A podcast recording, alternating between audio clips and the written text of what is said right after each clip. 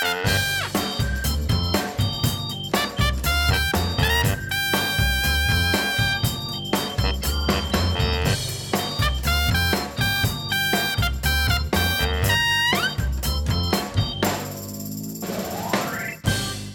Pinksterfeest is achter de rug en de CIP-podcast is er weer. Yes, de daar zijn we zesde aflevering met Rick en Jeffrey. Jeff, hoe is het met je? Bij mij gaat het uitstekend. Ja? Ja, na zo'n Pinksterweek- na zo'n Pinksterweekend kan het ook niet beter gaan. Heb je lekker gepinksterd? Ik wel, ja, ja. De zon scheen, opwekking was eh, weer top en eh, de Ge- Heilige Geest is natuurlijk uitgestort. Daar gaat het uiteindelijk om. Sowieso. Ja. Ja, dat was een, wel een flauw grapje, maar mijn vrouw was aan het opruimen, een beetje, tijdens Pinkster. Ik zeg, wat is er gebeurd? Is de Heilige Geest ons uitgestort? Dan kon ze wel om lachen, Ja, gelukkig. ja, gelukkig maar. Ja. Hey, waar gaan we het over hebben? Eh, we gaan het natuurlijk hebben over, het op de, over de opwekkingsconferentie. Want eh, ja, het is natuurlijk het evenement van Christelijk Nederland geworden de laatste jaren. Dus daar moeten we even op terugblikken. En we gaan het ook nog even hebben over Willem Ouweneel en de evolutietheorie. Want eh, daar is een discussie over verschenen. Over losgebarsten in het Nederlands Dagblad. En ehm, we gaan het ook nog hebben over een column van Euzan Akjol. Over... eh, eh, Onze Turkse vriend. ja, onze Turkse vriend. Sorry, ik was, ik was even vergeten wat zijn achtergrond was. Maar hij zegt dus dat we het geloof achter de voordeur moeten stoppen. En we gaan dus eh, bespreken of dat een goed idee is, ja of nee. Ja, nee, oké. Ik ben benieuwd. Ja. En we sluiten nog even af met de bruiloft van Prins Harry natuurlijk. Dat mag niet missen. Dat was een feestje. Ja, ja. Maar allereerst de opwekkingsconferentie. 75.000 mensen waren bij elkaar bij Walibi. Daar gebeurt het dus elk jaar. Daar komen duizenden christenen bijeen om te kamperen, om preken te luisteren, om de Heer te prijzen. En ook om elkaar te ontmoeten natuurlijk. Het is echt een hot evenement. Ja, dat is het zeker. Maar en, hoeveel bezoekers waren er dit jaar? 75.000, een nieuw record. Gewoon een absoluut record. Dus dat is Ja. gewoon ja, ongelooflijk, toch? Ja, is- Zoveel mensen op één conferentie. Ja, en wij zijn er ook wel eens geweest. Ja, is heel vaak. We hebben ook dit jaar het verslagen, heel wat preken. Ja. Wat vond je van de preken dit jaar? Ja, ik vind ze, moet ik zeggen, toch wel van een hoog niveau. Eh, het feit dat mensen toch, dat je toch vaak dezelfde gezichten ziet, maar dat ze toch elke keer weer een, een boodschap weten te brengen van, hé, hey, die, die raakt mij, of ze zeggen weer nieuwe dingen, dat vind ik knap. Ja. Ja. En hoe zou het komen dat opbrengst zo'n succes is volgens jou? Ehm, nou, ik denk dat het onder andere te maken heeft toch wel met de, met de opzet. Gewoon het feit dat je zeg maar eh, eh, op een terrein loopt en je kan doen wat je wilt. Je kan eh, een frietje kopen, je kan lekker chillen in het gras. Je kan een expo-tent in om allerlei organisaties langs te gaan. En ondertussen zijn er gewoon hele vaste momenten van een preek, van seminars, waar je zelf ook nog eens kan kiezen van nou, ik blijf nu even thuis of ik ga nu toch even kijken. En ondertussen ben je ook nog eens samen met, met vrienden of met, met gemeenteleden. Dus het is ook nog eens echt quality time. Ik vind die combinatie vind ik gewoon eh, Ja. vind ik het geheim. Ja, ik heb ook over zitten nadenken van hoe kan het nou toch zijn dat opwekking zo'n grandieus succes is? Ja. En ik ben eigenlijk tot vijf succesfactoren gekomen. De vijf succesfactoren van Rick Bokelman. Nee, in ieder geval Rick Bokerman van opwekking. Oh ja, ja, ja, ja. En eh, eerste wat ik dacht is, ja, het is gewoon natuurlijk wat jij zegt, gigantisch goede kwaliteit. Hè? Want je zult bij opwekking niet snel naar een samenkomst gaan en denken achteraf van, ja, ik had beter in bed kunnen blijven li- liggen. Of gaap, wat was dat een saaie preek zeg. Of eh, wat zong die Elisa Kaarsman toch vals. Mm. Want wat ze, wat ze daar brengen natuurlijk overal, of dat dus nou qua kampeerfaciliteiten is, of qua diensten, qua muziek, qua prediking, qua licht en geluid, qua ambiance. Ik bedoel, dat is natuurlijk van een gigantisch hoog niveau. En dat is denk ik dus de eerste factor, dat het gewoon een kwalitatieve conferentie is. Want laten we eerlijk zijn, als je natuurlijk zo'nzelfde conferentie hebt met zo'nzelfde grote tent, maar je hebt een Mientje die eh, vals zingt op het podium en daar Ja. een preek houdt en je moet op, niet, je niet op een mooie stoel zitten, maar je moet op de grond zitten. Of eh, ja, er is een saaie preek of slechte muziek. eh, dan komen natuurlijk niet 75.000 mensen op af. Nee.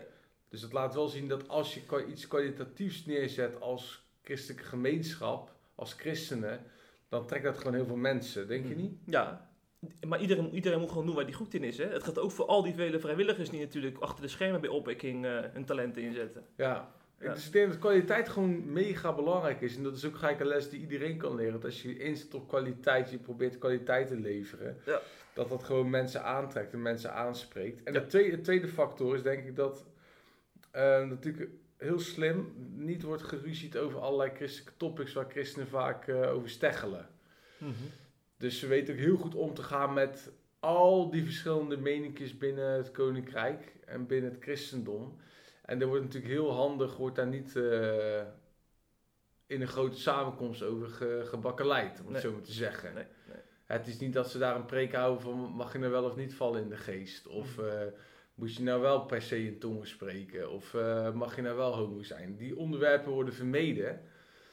Misschien een beetje flauw, maar ook natuurlijk uiteindelijk heel wijs. Want dan zorg je ervoor dat iedereen zich uiteindelijk thuis voelt, verenigd rondom het grote thema van de conferentie. En dat is altijd Jezus. Ja, daar gaat het om natuurlijk. Ja. Ja, En de derde is natuurlijk samenhorigheid, dat noem je al. Ehm, ja, dat, dat is toch een stadiongevoel, Jeffrey, als je daar bent, of niet dan? ja, ja, dat, dat als je daar met 13.000 man in één tent zit, Ja. dat voelt toch net alsof je in een nog wat groter Excelsior stadion zit. Want jij bent Excelsior fan. zo. Ja. ja, en daar gaan dus eh, eh, 4000 mensen in. Moet je nagaan dat er bij opwekking dus, hoeveel, daar passen dus wel eh 20, 30 Excelsior stadions. Als Ja. je al die mensen optelt. Ja, dat is toch gigantisch. En Ja. dat geeft natuurlijk gewoon een bijzondere sfeer. Hè? Ik bedoel, ik heb daar heel vaak gezeten in die opwekkingssamenkomst. En dat ik gewoon echt met kippenvel op mijn lijf zat ik daar gewoon. Hm. Want het is natuurlijk gigantisch indrukwekkend om met zoveel mensen tegelijkertijd te zingen of met z'n allen te lachen tijdens een spreekbeurt van iemand als iemand een leuk grapje maakt. Of het is natuurlijk enorm emotioneel als je daar honderden, honderden mensen of zelfs duizenden mensen naar voren ziet gaan na een preek om hun leven te geven aan God of wat dan ook. Dus ja, dat, dat geeft natuurlijk een gigantisch stadion slash saamhorigheidsgevoel. Mhm. En ehm, ja, ik moet ook trouwens denken aan bijvoorbeeld dat ik zelf ook wel een soort, soort van soort gigantische diehard opwekkingsfan was vroeger. Ik was toen een jonge gast van, wat was ik, 18 jaar. En ik ging met mijn vriend David ging ik naar opwekking. Ik was net christen. En wij wilden ook gewoon echt per se voorin zitten. Gewoon. Ja. Een soort van, dus dit ook iets mythisch dat je denkt van ja, nee, dit is niet zomaar een samenkomst. Nee, ik wil gewoon vooraan zitten. Ik wil gewoon mijn Robin van Persie, of dat was eh, in die tijd David Paulsen, Mhm. mijn christelijke held, daar wil ik zo dicht mogelijk op zitten. Eigenlijk ben je natuurlijk apart. Maar dat geeft wel aan dat mensen dus naar zo'n samenkomst gaan met echt wel iets meer motivatie dan wanneer ze naar de normale kerkdienst op zondagmorgen gaan, denk ik. Ja, ja, ja, ja. Wat was jouw mooiste opwekkingsmoment? Mijn mooiste opwekkingsmoment, dat was eigenlijk niet een preek, maar dat was, eh, eh, ja, dat was eigenlijk ook een, een soort quality time moment met verschillende mensen bij, eh, ja, zeg maar, een soort, soort kampvuur. En dan zaten we in een kring met, met 10, 15 mensen, zaten we inderdaad liedjes te zingen, ook de mensen uit de kerk allemaal en zo. En ja, je proefde gewoon toch wel dat het anders was dan wanneer je liedjes zingt op een, eh, eh, tijdens een gemeenteweekend op, eh, op de hei in de, in de Veluwe of Ja. zo, weet je wel. Maar je bent ook met veel meer verschillende mensen natuurlijk. hè? ja, ja, dat Dat merk je niet je eigen in-crowd, wat is het bij mij, Tolen, Tolse christengroepje. Ja. Dit is natuurlijk gewoon christen uit heel Nederland, uit verschillende achtergronden, die dan opeens wel met z'n allen een hele goede tijd kunnen hebben. Mhm. Ja, want in, in bepaalde dorpen, Urk of op Tolen of wat dan ook, dan vechten christenen elkaar nog al de tent uit. Of dan Ja. is het haat en nijd, of de ene kerk is toch eh, beter dan de ander, of de ene dominee is toch beter dan de ander, of de ene, weet ik veel, de een doet het gewoon beter dan de ander als christen. Terwijl op opwekking hebben we het daar opeens niet meer over. Nee, dan nee, voelen nee. we ons allemaal één. Ja. En dat brengt me bij de vierde factor die ik had bedacht eh, gisteravond. En het is dat je op, op, op opwekking voel je opeens trots om christen te zijn. Mhm. Want het is daar zo gezellig en leuk en mooi. eh, noem het allemaal maar op. Dat denk ik heel veel christenen daar rondlopen en iets hebben wat ze in een dagelijks leven niet hebben of niet zo hebben. En dat is dat ze zich gewoon als het ware trots voelen Ja. dat ze christen zijn, dat ze dat cool vinden, dat ze dat stoer vinden. Snap je een beetje wat ik bedoel? Ja, ja. Want zeker omdat je het ook in het dagelijks leven, dan voel je ook gewoon een minderheid. Gewoon eh, op, op je voetbalclub, eh, op je school vaak, eh, op je werk ook. Ja, of mensen geven je toch het gevoel dat het niet leuk is om christen te zijn. Terwijl als je dan daar op opwekking bent, Ja, dan voel je je bij wijze van spreken helemaal het mannetje. En denk Ja. je van, kijk, dit is nou de reden waarom ik christen ben, weet je wel. Ja. Met zulke mooie inhoud en ook gewoon zoveel gezelligheid onderling. Hm. Er ligt ook natuurlijk geen, geen rotzooi en rommel. Terwijl je dat bij een normaal festival zou dat nooit tegenkomen. Dus ja, ik denk dat opwekking ook gewoon heel goed mensen in positieve zin trots maakt op het feit dat ze christen zijn. Hm. En natuurlijk het vijfde, het, het lekkere weer. ja, dat speelt natuurlijk ook mee, hè. Ja. Dat is tot de vijfde factor, denk ik. Want er komen natuurlijk geen 75.000 mensen naar je, naar je festivalterreintje als, je, als het pijpenstelen regent. Hm. Hè, we houden allemaal van God en van de kerk, maar als we voor die God en die kerk in de regen moeten staan, dan blijven we toch liever thuis. ja. We zijn ook gewoon normale mensen. Maar goed, dat de Heilige Geest niet uitgestort is op 23 december dan. Ja, zo is dat. Dan was het toch, dan was het toch stukken minder druk. Maar het is wel bijzonder dat het natuurlijk altijd zo lekker weer is. En ik heb ook vaak, ik weet nog vaak voordat we naar de conferentie gingen, dan baden we met z'n allen of God toch ook mooi weer zou mogen geven. Oh ja. En ik denk dat de opwekking toch ook eerlijk wel mag zeggen dat door het harde werk van het hele team, van Ruben Vlag, de directeur en zijn hele team, dat ze toch ook kunnen zeggen dat het zo'n succes is geworden omdat God het zo enorm heeft gezegend. Hm. Want ja, dat weer, daar kan je natuurlijk eh, aan doen wat je wil, maar dat heb je niet in de hand. Nee, nee. De weergoden zijn opwekking al jarenlang gunstig gestemd, toch? Zo. God ja. zegent het al jarenlang. Dus ja, dat, dat is wel echt bijzonder, denk ik. Als je dat allemaal bij elkaar optelt, dan kun je toch echt zeggen dat we iets unieks hebben in Nederland. Want ook in grotere landen als Groot-Brittannië en zo, kennen ze dit helemaal niet, hè? Hm. Dus een groot land als Duitsland, waar ook natuurlijk nog veel meer christenen wonen als hier, of in Frankrijk, of in Groot-Brittannië, daar zijn helemaal niet zulke grote conferenties als opwekking. Dus echt iets unieks. Dus als, als christen moet je nooit denken van, ach ja, we gaan weer eens naar opwekking. Nee, opwekking is echt een uniek event in eigenlijk heel Europa. Hm. Hm. Bijzonder. Ja, zeker. Nou, heb het ik valt stil, ja. Ja, Ja, nu- het valt stil. even stil. de indruk van opwekking natuurlijk. na zoveel mooie woorden vraag ik me toch eigenlijk stiekem ook wel af van... eh, is het dan toch niet nog een kritisch nootje te kraken? Ja, moeten we nou per se kritisch zijn? Ja, kritisch. Ja, wa- waarom zouden we kritisch zijn op opwekking? Noem het even. Nou ja, omdat... Ik denk- kritiekpunt? als je zeg maar... eh, op een gegeven moment kun je toch ook een beetje in een flow komen van... eh, eh, dat, je, dat je elk jaar hetzelfde doet. En juist door ook eens een, een, eh, een kritiekpuntje te noemen... kun je misschien wel eens eh, dat voorkomen. Dat Ja, maar noem eens een kritiekpunt. Nou, eh, ik, ik, ik, ik krijg soms wel een beetje kromme tenen van het feit eh, dat, eh, dat er zo met de collecte wordt, wordt geleurd. Gewoon aan het aan het begin van de, van, de, van, de, van de conferentie. Waarom moet je nou tijdens een, een, een openingspraatje al beginnen over, over ja, dat je mogelijk niet rond kan krijgen dit, dit weekend en dat, dat het toch belangrijk is dat je, dat je even een gift geeft? En die komt de aap uit de mouw. Jij bent een collectegevoelige christen. Ja, ja ik heb daar een beetje, ben een beetje allergisch voor, ja. Maar dat Ja. heeft ook te maken met een, een ervaring van een andere dienst. Waarbij het echt in het begin een kwartier over de, over de collecte ging. Voordat ze überhaupt met, de, met een gebed begonnen. Oh ja, nou volgens mij is het tegenwoordig wel, want dit jaar is dat niet zo gegaan volgens mij. Ik ben niet bij alle samenkomsten geweest, ik heb ook niet alles gezien. Ik heb voor een deel, eh, of eigenlijk heb ik alles online gekeken. Om meerdere redenen, omdat we dan het snelste kunnen tikken. Maar ja, opwekking heeft natuurlijk ervoor gekozen om niet alleen entreegeld te vragen. Want er gaat hier natuurlijk ook enorm veel geld in om. Zeker. Het gaat echt om Ja. miljoenen per, per jaar. Dat snap ik. Die hebben niet alleen gekozen om gewoon iedereen lekker een kaartje te laten betalen en dat is het dan. Dan zijn de kosten gedekt. Dat zou natuurlijk hartstikke handig zijn Ja. voor collectegevoelige christenen als jij. Dat je gewoon zegt, jongens, dit kost gewoon 25 euro, entry geld, weet ik veel hoeveel je vraagt. En dan zijn we uit de kosten, prima, geen collecte. En hoef je dus ook niet mensen te motiveren, want ja, ook christenen zijn gewoon gierige mensen. Die moet je toch motiveren op een positieve manier om een portemonnee te trekken. Ja, ja. Hè, dus ook dat hele dat jij daar gevoelig voor bent, dat komt natuurlijk ook omdat mensen zoals jij gewoon heel gierig zijn. Ten diepste ben ik dat, ja. Ja, want als het allemaal natuurlijk, eh, als iedereen eh, hups, die flappen lekker laat eh, ritselen.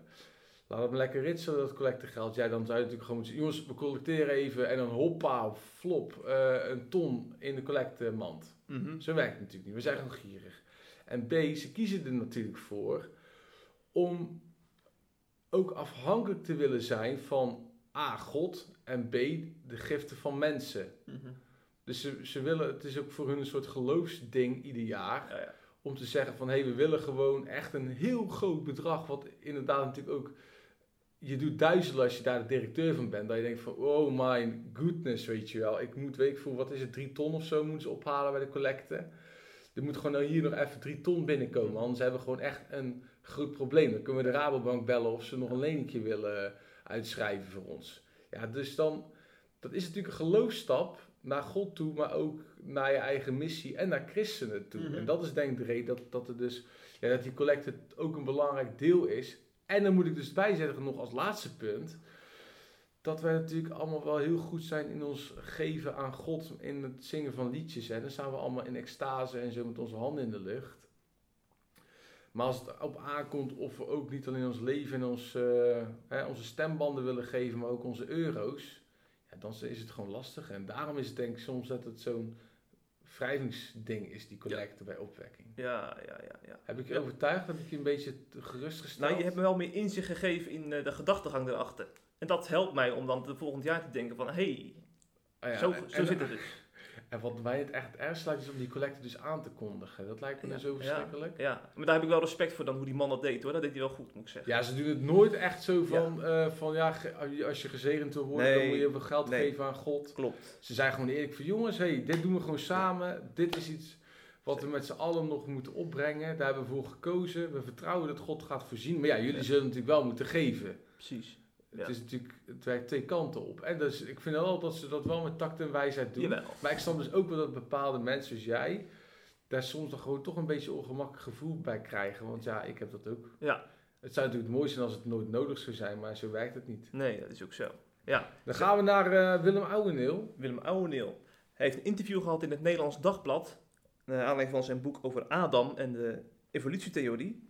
En misschien is het gewoon goed om even een citaat van Willem erbij te pakken. Want dat citaat was onder andere, onder andere aanleiding voor een, eh, een brief van een groep eh, wetenschappers. Hij zegt: Waarom geloven mensen in de evolutietheorie? Omdat ze elkaar napraten.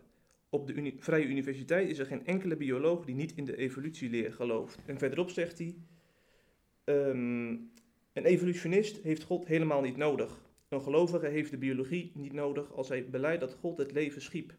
Wat ik dus probeer te zeggen, is dat je het theo- theologiseren niet moet laten domineren door, een ideologische, door ideologische theorieën uit de natuurwetenschap. En vervolgens heeft, hebben dus vier eh, wetenschappers eh, een brief geschreven naar het Nederlands Dagblad. Om eigenlijk Willem Ouweneel meer te vragen om eh, respect voor de andere kant van, eh, van de medaille. Namelijk dat er ook christelijke wetenschappers zijn die eh, gewoon goed over de zaken nadenken en niet anderen napraten. Ja, want Ouweneel die is nu op het punt gekomen dat hij niet langer eh, of niet in de evolutietheorie gelooft. En ook gelooft dat Adam gewoon een historisch persoon is geweest. Terwijl natuurlijk de evolutionisten of christenen die ook in evolutie geloven, of wetenschappers die dus die brief schrijven en ook met evolutie bezig zijn, die hebben een heel ander standpunt. Ja. Die denken dat je evolutie kunt verenigen met het verhaal van Adam en Eva. Ehm, even voor de duiding, ik, dat, ik heb, dat heb ik op mijn hersenen overlopen kraken. Ja. Van hoe zit dat nou eigenlijk precies? Hè? Dat, eh, dat er zoveel wrijving is tussen evolutie en Adam en Eva, het verhaal. Hè, want evolutietheorie zal tot, toch, eh, tot en met de dag dat jij en ik deze aarde verlaten discussiepunt zijn. Eh, je kunt aan- maar eh, kijk, ik denk dat het zo is. Als je het even een beetje moet duiden. Kijk, je, je kunt aan de ene kant prima zeggen, vanuit de, en vanuit de wetenschap redeneren, dat we hier allemaal al zijn vanwege miljarden jaren evolutie. Ik bedoel, ook al is het moeilijk voor te stellen. Hè, maar er zijn natuurlijk meerdere dingen moeilijk voor te stellen. Ik vind het ook heel moeilijk om voor te stellen dat Auschwitz heeft plaatsgevonden. Ja. En in positieve zin dat mijn vrouw met mij getrouwd is. Dat is ook moeilijk voor te stellen. Dat is toch gebeurd. maar ehm, je kunt dus die evolutie dan heel serieus nemen. En die wetenschappers die dat propageren, die zeggen, hey, we zijn hier gewoon vanwege miljarden jaren evolutie. Die zijn natuurlijk niet op hun achterhoofd gevallen. Die doen echt allemaal goed, goed hun huiswerk. En het zijn echt niet allemaal mensen die, eh, weet ik veel, gekkies zijn, die maar wat verzinnen en die, die hele evolutietheorie zonder enig bewijs of wat dan ook, Hmm. zonder enige goede aanwijzing uit hun duimpje zuigen. Dus je kunt gewoon aan de ene kant de evolutietheorie omarmen. Dat mogen duidelijk zijn. Maar als je de Bijbel, zoals heel veel christenen letterlijk leest, dan wordt het natuurlijk een beetje lastig. Mhm.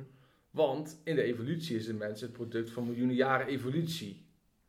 Terwijl Jezus Adam en Eva in het begin van de schepping plaatst. Dat staat in Mar- Marcus 10. Hm. Dus ja, wacht even. Heeft Jezus dan per ongeluk een paar miljoen jaar ingeslikt? Ja.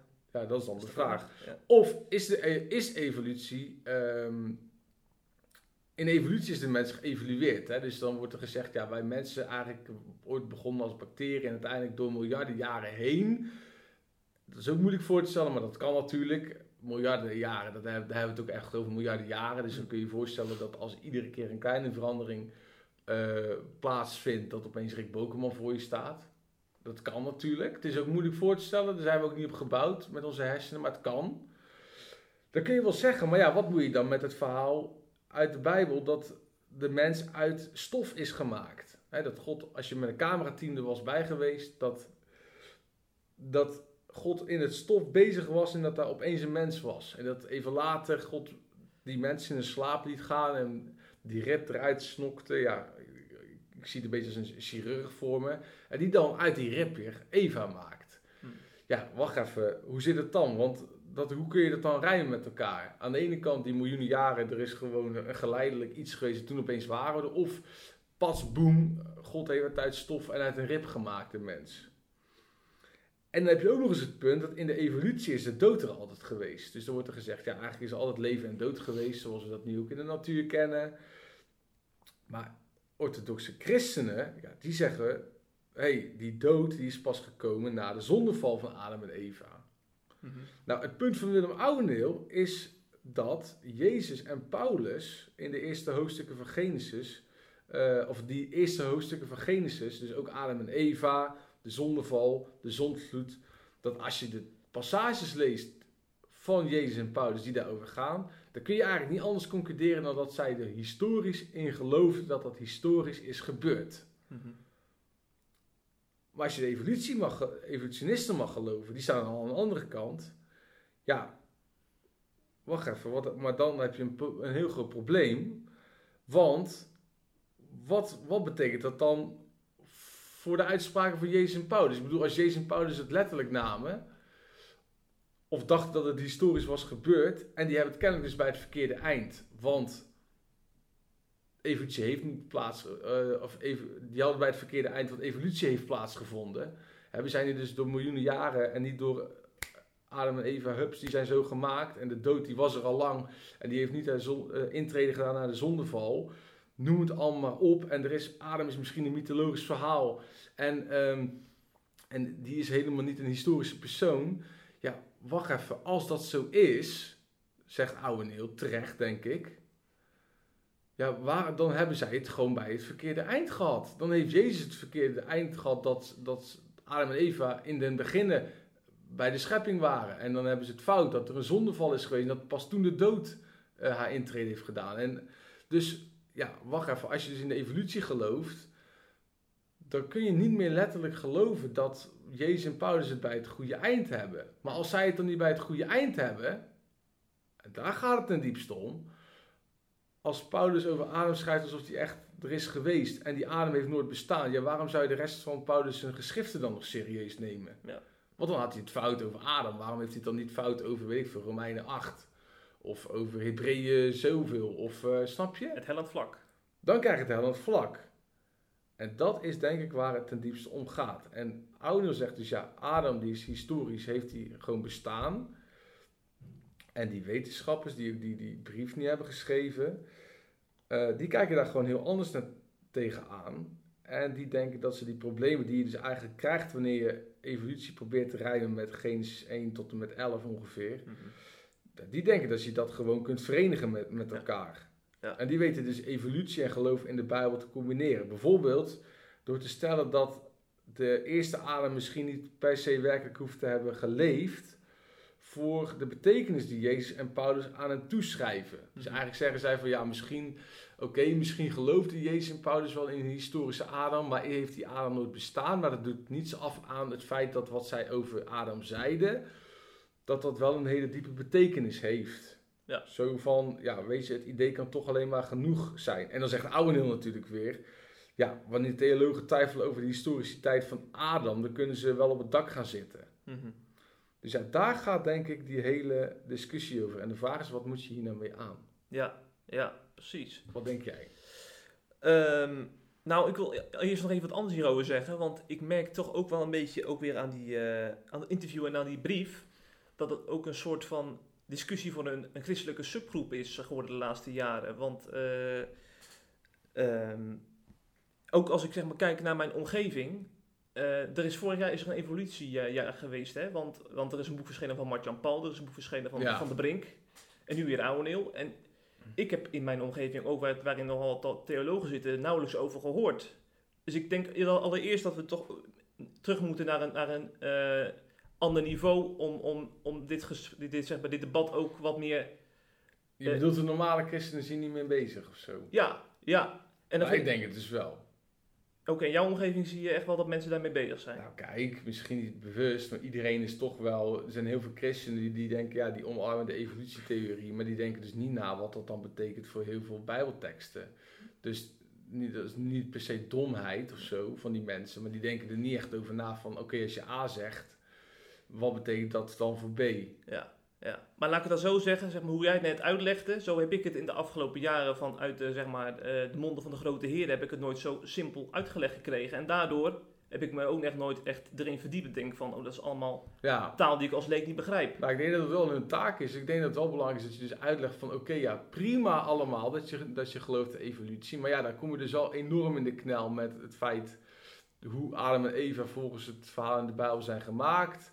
En ehm, ja, wat dat dan betekent of er wel of geen dood was altijd al. En eh, ja, noem het allemaal maar op. En wat het dan dus betekent voor de uitspraak. Want dat, dat is het hele punt. Ja. En dat wil ik echt nogmaals een keer herhalen. Dat het bij iedereen goed in zit. Als je dus inderdaad zegt, er heeft evolutie plaatsgevonden en de mens is feitelijk een soort mensaap, van bacteriën naar mensaap naar eh, homo sapiens gegaan. Ja, en Jezus en Paulus schrijven over, zeggen dingen over eh, Adam en Eva, of over het begin van de schepping. Alsof het gewoon zo heeft plaatsgevonden, zoals je het, het verhaaltje letterlijk kan lezen in eh, de eerste hoofdstuk van Genesis. Zoals een kleuter zou zeggen, ja, dat heeft God echt gewoon gedaan. Die heeft gewoon twee mensen gemaakt. Mhm. Gewoon hups, uit het niets, mensen. Ja, als dat dan dus niet waar is, dan hebben Jezus en Paulus dus gewoon niet gelijk. Dan hebben ze het gewoon fout. Dan hebben ze de feiten niet op een rijtje gehad toen zij het over die onderwerpen hadden. En als ze het toen niet op een rijtje hadden gehad, wat dat betreft die onderwerpen, ja, wie zegt mij dan dat ze het wel allemaal bij het rechte eind hadden rondom al die andere onderwerpen? Ik bedoel, als, A- als, als Paulus zegt, hey, Adam heeft gewoon bestaan, die schrijft dat zo. En iedereen kan lezen in de Bijbel, in de passages, 1 Korinthe 15. Die man geloofde, de apostel Paulus geloofde in de historische Adam. Mhm. Ja? Oké, en hij had het fout. Oké, prima. Waarom zou je hem dan nog geloven als, als wij met z'n allen ons laten leiden door zijn teksten over vrouwen, of over homoseksualiteit, of over gebed, of over heiliging? Ik bedoel, als hij het dan fout had over Adam, waarom had hij het dan juist over al die andere onderwerpen? Ja. En dat is het echte punt. Ja, ja, ja, ja. ja. En je kunt dan alleen maar daarmee omgaan door de Bijbel heel anders te gaan lezen dan de klassieke letterlijke manier. En ik zeg niet dat dat slecht is. Ik ben heel ruimdenkend en ik kan met heel veel dingen leven. Alleen ja, je moet dat wel eerlijk erkennen dan, als christen. Ja. Hè, dat als je dan er zo in staat, je gelooft de evolutie, oké, dat is allemaal prima, dat mag. Je bent vrij om te denken natuurlijk wat je wil. Je hoeft ook niet gebonden te voelen aan een bepaalde mening. Maar dan moet je ook eerlijk durven zijn over de consequenties daarvan. Mhm. En dan moet je niet doen alsof die consequenties er niet zijn of je van het domme houden, hoeft het er gewoon niet over hebben. ja, ja. Dus het er niet over hebben is geen optie. Nee, ja, en dat is wat heel veel christenen doen. Die Ja. zeggen, kijk, dat is ook, ik snap dat ook wel, dat doet bijvoorbeeld mijn lieve vrouw ook. Die maakt het niet zoveel uit hoe het allemaal zit. Nee. Hè? Maar als het ga- gaat om pure waarheidsvinding, heel veel christenen zeggen natuurlijk, ja, weet je, het zal, het zal me eigenlijk een worst wezen hoe het dan precies zit met evolutie. Dat is allemaal prima, maar als je echt goed erover nadenkt, dan kun je dat niet zeggen zonder dat daar consequenties uit moeten voortkomen. Mhm. Ja. Je kunt best zeggen van, joh, het maakt mij niet uit joh, hoe... eh, eh, ja, even, eh, even een flauw voorbeeld. Het maakt mij echt niet uit joh, wat, wat Geert Wilders gelooft.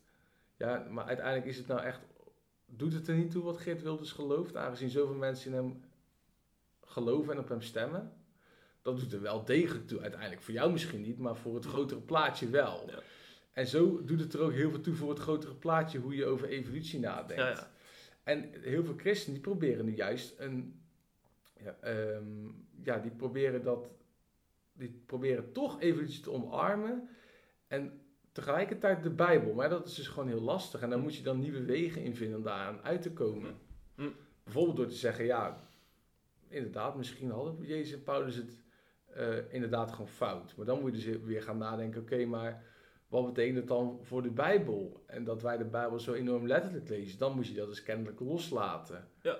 En als je dat dan, dat letterlijke lezen dan weer loslaat, ja, dan kun je misschien ook veel minder stellig over God praten zoals je jarenlang gewend bent. Hm. En als je dan niet meer zo stellig over God kunt praten, dan wordt het ook misschien moeilijker om het evangelie te communiceren naar de mensen om je heen. Want jij die zeggen dan ja, maar dit is zo'n groene verhaal en het is niet feitelijk allemaal wat er in de Bijbel staat. Dus hoe kun je ze dan iets geven waar ze zich echt aan vast kunnen klampen? Ja, dan zijn het misschien gewoon weer verhalen. Gewoon mooie, zingevende verhalen waar we allemaal hoop uit putten. Maar die niet per se feitelijk juist zijn. Ja, maar ja, dan zijn er weer mensen die vinden het toch wel eigenlijk heel erg belangrijk dat als ze hun leven geven aan een geloof en aan een boek, dat er wat in dat boek staat ook echt klopt. Snap je? Zeker. Zo gaat het volgens mij. Voor iedereen die zich hier verder in wil verdiepen, ga naar sip.nl slash video. Want Rick heeft eh, aantal hoog, een aantal hoogleraren hierover gesproken ook, hè? Ja, zeker. We moeten Ja. eigenlijk oude ook nog eens voor een serie vragen over Adam. Ja. Hey, gaan we even over, eh, gaan we even verder van evolutie, gaan we naar geloof achter de voordeur stoppen. Ja, want Eusen Akjol, onze columnist die in het AD leuke stukjes schrijft, die heeft er een column geschreven naar aanleiding van een ja, wat uit de hand gelopen discussie weer eens op Twitter over de Ramadan. Want er zijn altijd weer mensen die vinden dat er te veel aandacht voor is en dat eh Pinksteren dan een beetje onderbelicht blijft. En op, ja, vanwege die ongezelligheid zegt hij, zei hij op een gegeven moment ook van, laten we gewoon het geloof achter de voordeur houden. Eh, dat is de beste plek. Je mag wel gewoon eh, je geloof eh, hebben natuurlijk, Ja, maar we leven in een seculier land. ja. Ja, en daar zijn natuurlijk een aantal christenen over gevallen, waaronder Anil Kumar. Hij heeft een opiniestuk geschreven, die is ook op zip.nl verschenen. En hij wees op een aantal christelijke initiatieven die maatschappelijk heel veel invloed hebben. En daardoor juist blijkt hoe waardevol het geloof voor de voordeur Ja, is. want hij, wij, hij of zij, het is een hij hè?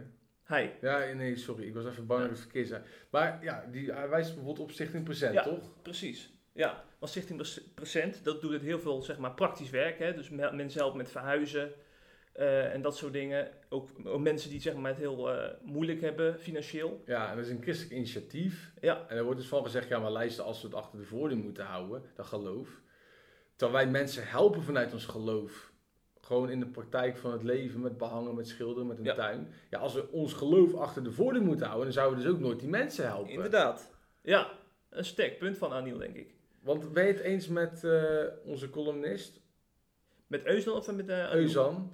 Ehm, nee, ik ben het niet met hem eens. Maar dat heeft natuurlijk ook mee te maken. Ik ben natuurlijk ook eh, niet objectief in deze, want ik ben natuurlijk eh, christen en ik wil het ook uitdragen in mijn eigen omgeving. Ja. Maar zijn aanleiding was natuurlijk de, die iftar-maaltijden tijdens de Ramadan die de politie bezoekt. Onder andere, ja. Dus de aanleiding was eigenlijk van, oké, de politie die gaat nu eh, op bezoek en eh, gaat lekker gezellig eten met, eh, met moslims. Mhm. Met allemaal iftar-maaltijden. En moet de politie dat nou wel eigenlijk doen? Of kun je dat beter niet gewoon, dat, dat, dat geloof lekker, niet in de publieke sfeer trekken, maar gewoon lekker, in, lekker privé? Ja, En dat snap ik ook wel, want ja, het is natuurlijk een beetje lullig als je bij het politiebureau aankomt te zetten en je zegt, hey, hoe zit het met mijn aangifte? En dat ze dan zeggen, ja, sorry, we hebben heel weinig tijd gehad voor uw aangifte, want we zijn gaan eten als politie met eh, de moslims voor een iftar-maaltijd. Dus ja, we, komen er nog, we zijn er nog niet aan toegekomen. ja. En dat is natuurlijk een beetje zijn frustratie. En bovendien, waar is de politie dan geweest tijdens de de Pinkstervieringen? Zijn, zijn er ook politiemensen geweest bij Stichting Opwekking, bij de Pinksterconferentie? God, ik geloof het niet. Nee, dus hij, kijk, hij zegt natuurlijk vooral van hey, dat de politie zich daarmee bemoeit eh, met, die, met dat geloof en zo. En dat, dat iets als de politie, wat dus van heel de maatschappij is, die iftarmaaltijd houdt. Ja, moeten we dat nou met z'n allen per se willen? Of moeten we dat niet gewoon, dat geloof lekker gewoon meer privé houden? Ja. Zo bedoelt hij het volgens mij. Hij zegt volgens mij niet van we mogen met z'n allen ons geloof niet meer uitdragen. Alsof je geen moskee meer mag Hmm. hebben of geen kerk eh, kruis op je kerkgebouw mag zetten. Ja. Maar hij volgens mij probeert hij het natuurlijk zo te zeggen. Mhm. Denk je niet? ja, maar ik denk dus dat hij eh, een denkfout maakt, want we hebben die eigenlijk over de scheiding tussen kerk en staat. Want een politie hoort helemaal zich niet te bemoeien met, eh, met religieuze praktijken. En, eh, want hij, eh, hij wees, wees ook op een gegeven moment naar, dat- naar Ramadan-journaal. Ja. Het is natuurlijk ook heel vreemd dat we een journaal hebben voor een eh islamitische gebeurtenis. Dat met publiek geld wordt eh, bekostigd. ja. Terwijl, ja, waarom hebben we dan geen opwekkingsjournaal op de NPO bijvoorbeeld? Dus eigenlijk volgens mij is de discussie vooral, eh, wat hierachter ligt, is zeg maar eh, eenzijdige aandacht voor, eh, voor, voor islamitische eh, gebruiken. Ja. En, en dat zeg maar eh, andere, andere religies, dat die, dat, die, dat die achterblijven. En eh, dus eigenlijk lopen hier twee discussies door elkaar heen. Dus dat is zowel eh, scheiding tussen eh, kerk en staat. Mhm. En dus ook inderdaad eenzijdige aandacht voor, voor één bepaald geloof. ja. En, en daardoor, en aan de hand van die twee discussies, gaat hij dus heel erg kort door de bocht door te zeggen: geloof achter de voordeur. ja. Dat vind ik een hele snelle stap. Ja, ja nou, wat ik net zei, aan de ene kant zeg ik dus oké, heb begrip voor zijn context, want hij, ja, hij vloog het in vanaf die politie met de iftar-maaltijden. Aan de andere kant staat, het inderdaad ook nergens op natuurlijk, want dan zegt hij dus van ja, zoals het hoort in een seculier land, hou het achter je voor. Dan denk ik, oké, dus kennelijk hoort geloof hier in Nederland achter de voordeur. Want dit is een seculier land. Ik bedoel, dan denk ik gelijk even, ben je misschien vergeten dat opwekking is geweest? Moet die man misschien even naar de Pinksterconferentie? Vraag me af of hij überhaupt van het bestaan weet. Ik ben benieuwd of Oscar nog durft te beweren dat Nederland een seculier land is wanneer die op opwekking is en 75.000 christenen ziet. Is, is, is het echt een seculier land? En bovendien, moest je, als het een, een seculier land is, dan moet je toch ook het seculiere denken. Waarom moet je dat dan niet achter de voordeur houden? Hm. Omdat we een seculier land zijn. Dus, dus kennelijk gaan we elkaar dan geen ruimte meer geven om, oké, we leven in een seculier land. Ja, dan mag je wel seculier achter de voordeur hebben, maar niet voor de voordeur. Hm. Hm. Eh, sorry, je mag dan wel seculier denken bu- buiten zijn huis, maar niet binnen zijn huis. Sorry, ik zeg het verkeerd, maar je snapt Ja, natuurlijk wat ik bedoel. Ik bedoel natuurlijk te zeggen, oké, als je seculier land bent, dan mag je wel seculier zijn in de publieke ruimte en thuis. Maar alles wat niet seculier is, mag dan niet. Dus islam, boeddhisme, christendom. Is een land, maar we vinden het ook niet le- leuk in een land als Iran, wat dan islamitisch is. Van ja, oké, dat is een islamitisch land.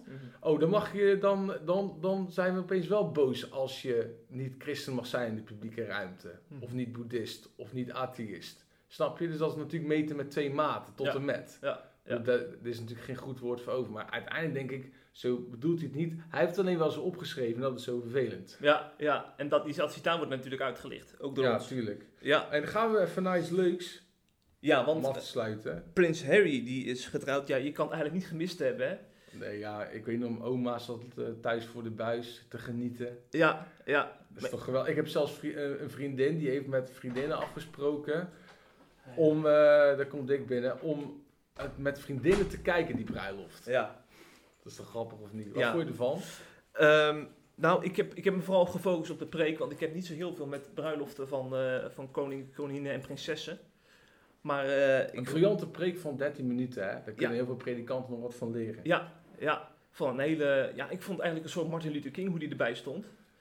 En eh, hij zei ook heel veel dingen eigenlijk over, over de kern van het geloof. Hè? Over, de, over heb je naast lief als jezelf, God boven alles. Eh, zeg maar de liefde die Jezus uitdroeg in deze wereld. En moet je, moet je dus nagaan dat zo'n preek heeft echt een miljardenbereik. Hè? Ik, ik kan dus eh, op, eh, hier in Utrecht kan ik een heel leuk eh, preekje houden voor een, voor een klein groepje mensen die bij ons thuis een huiskring vormt. Maar zo'n man die zo- zo'n bruiloft mag leiden, die preekt gewoon voor miljarden mensen. Ik vind dat echt Ik gigantisch. vind het mooi. Hey, Dick, heb jij het gezien of niet? Ik heb het al gezien, ja. Vond je het een mooie preek? Ja, ik vond het wel gepassioneerd. Oh ja, Dick komt net binnenlopen, jongens. Ja. eh, onze gouden redacteur. Hij wil natuurlijk per se wat over die prins Hij Harry zeggen. ja, ja, hoe, hoe, vond je de bruid eruit zien? Eh, eh, ja, prachtig, prachtig. Ze is sowieso heel mooi. Kijk, wat je natuurlijk wel hoorde over die preek was ook van, ja, eh, het is soort van iedereen, het was zo erg liefde, liefde, er zat niet echt bekering of dat soort dingen in. Ja, maar goed, dat wordt natuurlijk diplomatiek. Ik dacht, ik heb het nog geluisterd in de auto, maar ieder woordje wordt natuurlijk van tevoren triple gescreend door alles en iedereen die daarbij betrokken is. Ja, precies. Ze gaan natuurlijk daar niet lopen eh, stoken met, weet ik veel, hel en verdoemenis. Ja, dan snap ik ook dat, dat Queen Elizabeth daar zet, eh, zit en dat ze de kerk niet meer uit durft te lopen. Omdat ze bang is dat ze misschien verloren gaat of zo. Ja, dat is natuurlijk logisch. Maar ik vond de boodschap echt geweldig goed. En ik vond het goede positieve reclame voor Ja. het christelijk geloof. Ja, bijzonder dat het nog kan in deze tijd. Ja, en liefde, hij zei ook van eh, dat liefde zo'n sterke kracht is en dat vuur de grootste uitvinding is van de mens ooit. En dat als nou wij opnieuw liefde zouden ontdekken als wereld, dat dan de wereld echt zal veranderen. Ja, En het zijn toch mooie gedachten nadat we het hebben gehad over opwekking, over Uskan en over de evolutierel. Dat uiteindelijk toch liefde onderling het belangrijkste is. Liefde voor God, voor jezelf, voor je naaste. Ik En- word erdoor geraakt, Jeff. ik zie het aan je, joh. En met deze boodschap gaan wij verder de week in. Ja, ik zou zeggen het weekend, maar dat is nog Nee, lang dat duurt nog eventjes. Ja, Nou, bedankt voor het eh, leuke gesprek weer, Jeff. Ik Zeker. heb ervan genoten. Het duurde wat langer, want ja, we moesten natuurlijk over Adam en Eva hebben. ja, dat kun je niet in vijf minuten Ja, doen. nee, als je dat in vijf minuten behandelt, dan, Nee. dan krijg je heel wat boze reacties. Ja. Want dan moet je nog korter door de bocht zijn dan ik al ben. Maar eh, ik vond het leuk. We moeten ook weer even onze CIP Plus leden bedanken. Ja, zeker. Vanuit het diepst van ons hart. Ja, want wij gaan nu richting de 5000 leden. Een magisch getal. En eh, zij maken natuurlijk ook deze podcast mede mogelijk.